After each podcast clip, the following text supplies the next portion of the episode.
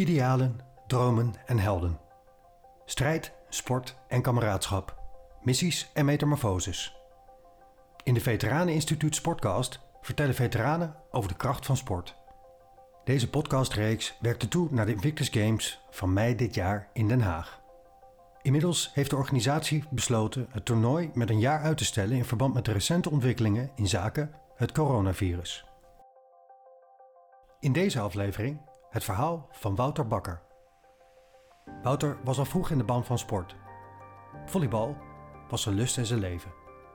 Hij begon aan de ALO, maar moest hij afbreken vanwege een blessure. Bij de Marchaussee kon Toener Wouter daarna alsnog zijn hart ophalen. Bij de politiedienst op Schiphol werd zijn voertuig hem vervolgens bijna fataal. Maar Wouter zet altijd door. Zijn zoontje geeft hem de kracht doelen te blijven stellen en te behalen. Hij werd captain van het Dutch Invictus Team. Een verhaal over inspiratie en de wil om te blijven bewegen. Ik ben Wouter Bakker, 38 jaar, geboren en getogen op Texel. Uh, in 2003 opgekomen bij de Marseillais. Uh, na de opleiding op Schiphol terechtgekomen. Uh, daarna vrijwillig op uitzending gegaan naar Afghanistan. Daar mijn vriendin leren kennen. Uh, daarna nog naar Kosovo gegaan en mijn vriendin daarna nog weer meteen weer door naar Afghanistan. Uh, na de uitzendingen ben ik beland bij de politiedienst op Schiphol. En daar de rest van mijn carrière ongeveer gedaan, zo'n negen jaar. Vier jaar geleden dienstongeval gehad en daarna een beetje zoekende geweest. En nu tijdelijk werkzaam bij de binnen de recherche. Um, sinds uh, zes jaar zijn wij woonachtig in Leiden. En hebben wij daar ook een zoontje gekregen die nu bijna vijf is. Tussen de twee uitzendingen door heb ik nog uh, bij bureau verwijderingen gezeten. Erg leuk werk gehad, alleen ja, niet heel uitdagend uh, om jezelf te ontwikkelen. Dus ik heb er toen voor gekozen om naar de politiedienst op de Schiphol te gaan. En ja, daar ben ik begonnen. Uh, na nog twee jaar verder uh, had ik het geluk dat ik aangewezen werd uh, om, om de motoropleiding in te gaan. ja, heel veel plezier met die, met die opleiding gehad. En daarna ook naast de fiets ook nog met de motor op Schiphol mijn rondjes doen en de meldingen afgaan. Wouter houdt niet van stilzitten. Hij pikt dingen snel op, maar dan het liefst in de harde praktijk. Van mensen leert hij meer dan van boeken. Dus op de mountainbike en de motor kan hij bij de Marseillais op Schiphol elke dag zijn hart ophalen. Maar dan komt die ene dag dat alles in één klap anders wordt. Ja, diensten draaien op de motor, heerlijk, helm op de kop, rijden en verkeer.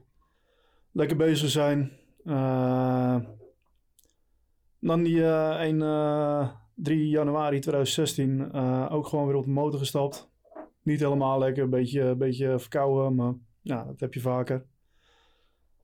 Uh, een collega zegt nog uh, van uh, kom veilig thuis. dienst gedraaid. ja, het eerste wat ik daarna weet is dat ik wakker word in een ziekenhuisbed vastgebonden met aan mijn handen en uh, beademingsbuis in mijn,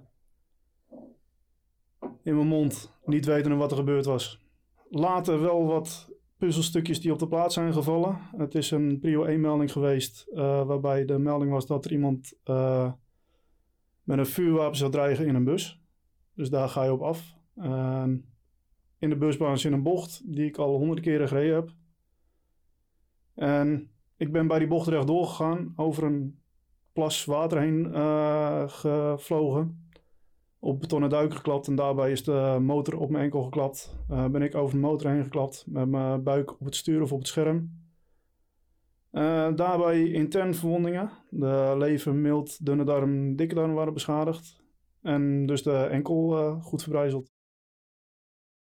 Na een levensreddende operatie aan zijn interne verwondingen en het voorlopig vastzetten van zijn enkel, is Wouter plotseling aan huis gekluisterd. Zijn vriendin Michelle, ook militair, krijgt verlof om voor hem te zorgen. Ze doet dat met verven, maar knaagt aan Wouter om afhankelijk te zijn. Hij is echter niet van plan om op te geven. De toekomstplanning uh, wordt even iets aangepast. En je gaat andere doelen stellen. Het eerste doel is om uh, zelfstandig uh, op krukken naar de wc te kunnen. Om zelf weer eens naar boven te kunnen komen. Om zelf uh, een lui te kunnen verschonen. Gewoon kleine doelen en op een gegeven moment die doelen steeds uitbreiden. Natuurlijk heb je wel eens momenten dat je het niet ziet zitten. Maar eigenlijk wel altijd de motivatie gehad om door te blijven gaan. En dan ben ik ook wel redelijk stug en eigenwijs in ja, niet zeuren en doorgaan. Ik kan in een hoekje gaan zitten, janken, maar daar wordt het ook niet beter van. Ja, in het begin heeft mijn zoontje mij vooral geholpen. Want als hij meekwam, nou, bijvoorbeeld naar het ziekenhuis, dan was dat gewoon ja, een mentale boost. Het geeft je wel iets om ook echt voor te vechten, om die doelstellingen te halen die je zelf stelt. Om die kleine dingen te kunnen, om weer iets met hem te kunnen. Een fysiek en mentaal trauma treft niet alleen het individu, maar ook familie en vrienden. Wouters gezin gaat als een team aan de slag met zijn revalidatie. Ook zijn ouders steunen en motiveren hem bij zijn lange weg naar herstel. Uh, alle stappen weer uh, doorlopen. De fysio kwam aan huis. Uh, zoveel mogelijk beweging erin krijgen. Ehm, toen ik keer bij mijn ouders op vakantie gaan op Texel en zeiden elektrische fietsen. Uh, dan ging weer een hele wereld open. Dus we konden zelf gewoon met de fiets weer de deur uit. Dat heeft me ook uh, ja, veel goed gedaan. En daarna de, de, ja, door blijven gaan bij de fysio en, uh, en opbouwen en conditie opbouwen. Uh, ik denk dat ik iets van negen maanden volledig thuis heb gezeten. En daarna weer langzaamaan beginnen met, met werken en uren opbouwen dan aangepaste werkzaamheden. Dus op het kantoor de, de, administratie wegwerken. Ik heb vooral mijn leven geleid door gewoon kansen te pakken en, en het moment te kiezen. En nooit echt een hele verdere planning gemaakt. Ik ben van mezelf uitgewend om hard te werken. Dus op elke plek waar ik kom, zal ik me wel redden. Wouter wil het liefst in beweging blijven. Maar sporten is lastig voor hem. En hij weigert eigenlijk ook te erkennen dat hij lichamelijk niet meer de oude zal worden. Dat is een langdurig proces. Dankzij Michelle komt hij in aanraking met het zitvolleybal op het Militair Revalidatiecentrum in Doorn. En dan gaat er een wereld voor hem open. Uh, daarna kwam mijn vriendin dus op Facebook uh, een stuk tegen van zitvolleybal in Doorn. Ja, dat was voor mij eigenlijk uh, nog wel een stapje te ver. Ik had zoiets van, ik ben toch niet gehandicapt? Waarom zou ik überhaupt gaan zitvolleyballen? Dat is niks voor mij. Laat mij maar mijn eigen ding doen. Laat mij maar, maar mijn eigen weg vinden. Ik, ik kom er wel. Gelukkig is zij zo eigenwijs genoeg geweest om die dag gewoon oppas te regelen en mij mee te sleuren in de auto daar naartoe.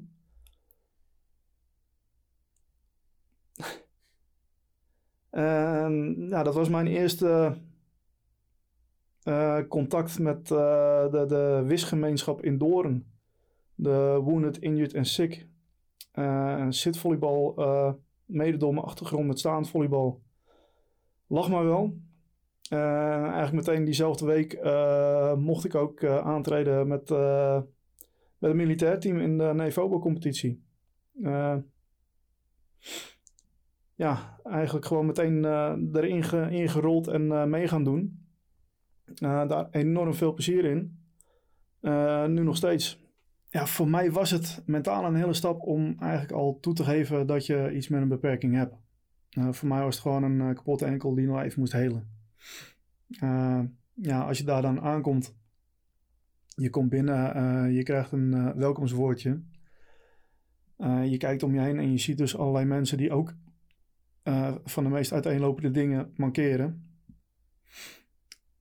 En dan kom je daar in, uh, in de zaal, het volleybalnet. Uh, in het begin zijn we daar gaan. Een korte voorstelronde.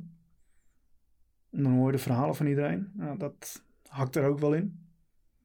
Maar dat schept ook wel meteen een band. En iedereen vertelt wat hij zelf wil, hoe ver hij het zelf wil, of vertelt niks. Dat is gewoon de keuze aan jezelf. En daarna ga je gewoon lekker bezig. Gewoon fysiek bezig met iets wat je wel weer kan. En dat geeft gewoon weer plezier in bewegen in plaats van dat jij ergens achterkomt van ik kan weer iets niet. dat je nu achterkomt van hé, hey, dit lukt wel. En vanuit het zitvolleybal uh, werd er ook vaker gesproken over Invictus Games. Ik had daar wel eens over gehoord. Uh, ja, ook met open trainingen daarna meegedaan. En ook opgegeven. Uh, het is best commotie, zeker rond de selectie. de selectiebekendmaking, omdat er altijd mensen afvallen die niet geselecteerd worden. Er kunnen er maar om en nabij 30 konden er mee. Ehm, ondanks dat ik daar pas een, ja, nog een half jaar meedeed, werd ik wel geselecteerd voor, voor Invictus Games 2018 in Sydney. En dan begint de rollercoaster. na zitvolleybal word je dan eigenlijk uitgedaagd om meer te gaan doen. Ja, fietsen, dat heb ik altijd gedaan. Dus dat was een eenvoudig ABC'tje. En daarna kwamen ze ook van, ja, is boogschieten niet iets voor jou? Ik zei, ja, ik heb het nog nooit gedaan, dus ik denk dat ik het kan. uh, ja, en daar ook mee aan de gang gegaan en steeds meer tijd in besteed. En ook steeds meer plezier in gekregen.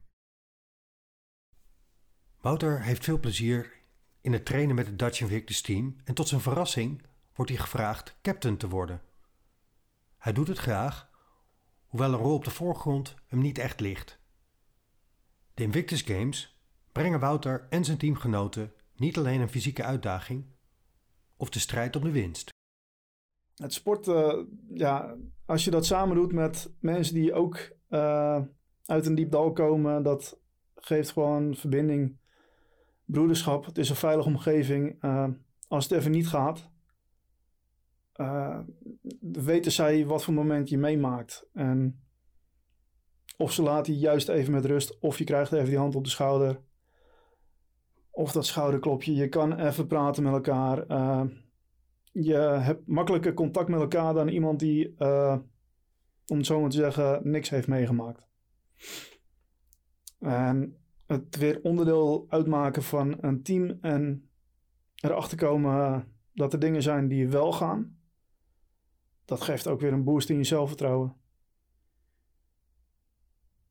Ja, mijn stijl als captain. Ik ben meestal niet iemand die echt direct op de voorgrond treedt, maar meer op de achtergrond. Ik ben meer iemand die andere mensen beter wil laten presteren dan, uh, dan dat ik het voortouw uh, moet nemen. Uh, dat probeer ik te doen door met iedereen hier en daar de gesprekjes aan te gaan, mensen aan te horen probeer in de gaten te houden. Probeer iedereen erbij te blijven betrekken. En ook aan te sturen op uh, het samen doen. Uh, elkaar aanmoedigen. zorg dat iedereen zoveel mogelijk bij de andere wedstrijden gaat kijken als zij een momentje niks te doen hebben. Natuurlijk moet je in oogschouw nemen, in oogschouw houden dat mensen ook hun eigen ding willen en moeten kunnen doen. Maar ik denk wel dat als wij daar staan als Nederlandse equipe, dat wij daar echt als één team moeten willen staan. 500 militairen met hun eigen rugzak en eigen verhaal. Die daar onwijs gave dingen uh, laten zien wat ze nog wel kunnen. En voor een bepaalde persoon kan het al een gouden medaille zijn om daar alleen al aanwezig te zijn. In een grote mensenmassa voor de ander. Uh, is het uh, pas goud als hij eerste geworden is. Maar ik denk dat uh, prestatie, bijvoorbeeld bij het zwemmen, degene die als laatste binnenkomt, dat dat een grotere prestatie is dan degene die als snelste daar zijn baantjes trekt. Tijdens het wielrennen, het criterium, er was volgens mij een Poolse renner. Die scheurt een spier in zijn kuit af en die probeert met één been door te trappen. En ja, er zat een, een leuk klimmetje in en dat was lastig. En op een gegeven moment twee Fransen die, die hem om en om het rondje doorduwen. Zodat hij wel de, de wedstrijd uit kan fietsen. Nou, dat is echt Invictus. Je doet het samen. Wouter heeft veel geleerd van iedereen die hij ontmoette tijdens zijn revalidatie. Hij ervoer hoe belangrijk samensporten kan zijn en wat dat kan betekenen, fysiek en mentaal.